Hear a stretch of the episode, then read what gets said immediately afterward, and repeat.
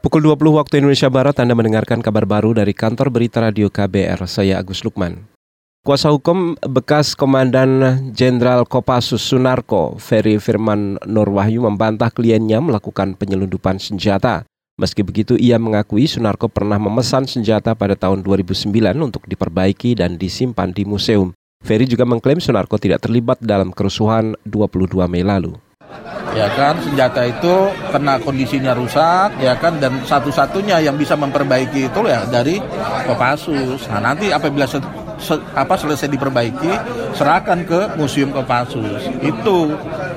Nah itu kan jaraknya rentangnya jauh 10 tahun dari 2009 permintaannya kok baru dilaksanakan di 2019 dan momennya itu pas seperti ini gitu kejadian tahun politik.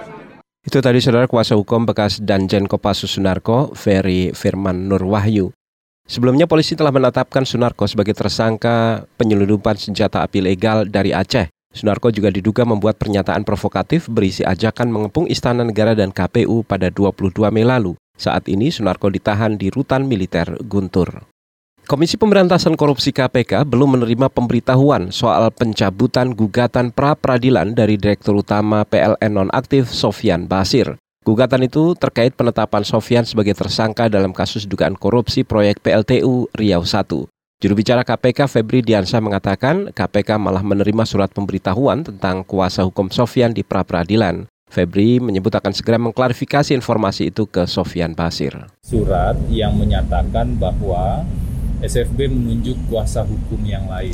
Jadi selain kuasa hukum yang menangani dalam uh, perkara pokok ini, ada kuasa hukum lain yang ditunjuk untuk menangani pra peradilan.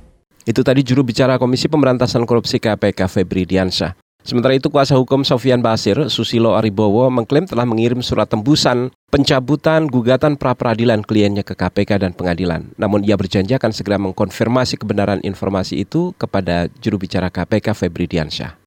Kepolisian eh, menyatakan tidak ada puncak arus mudik lebaran pada tahun ini. Kapolri Tito Karnavian mengatakan pemudik tidak menumpuk di waktu yang sama karena masa libur yang cukup panjang. Ini terbukti dari kondisi arus mudik pada H-5 lebaran yang ramai lancar dan terkendali. Tujuh hari waktu untuk kembali.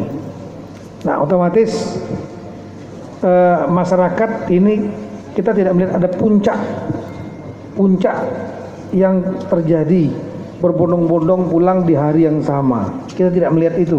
Adanya peningkatan arus saja dari hari ke hari.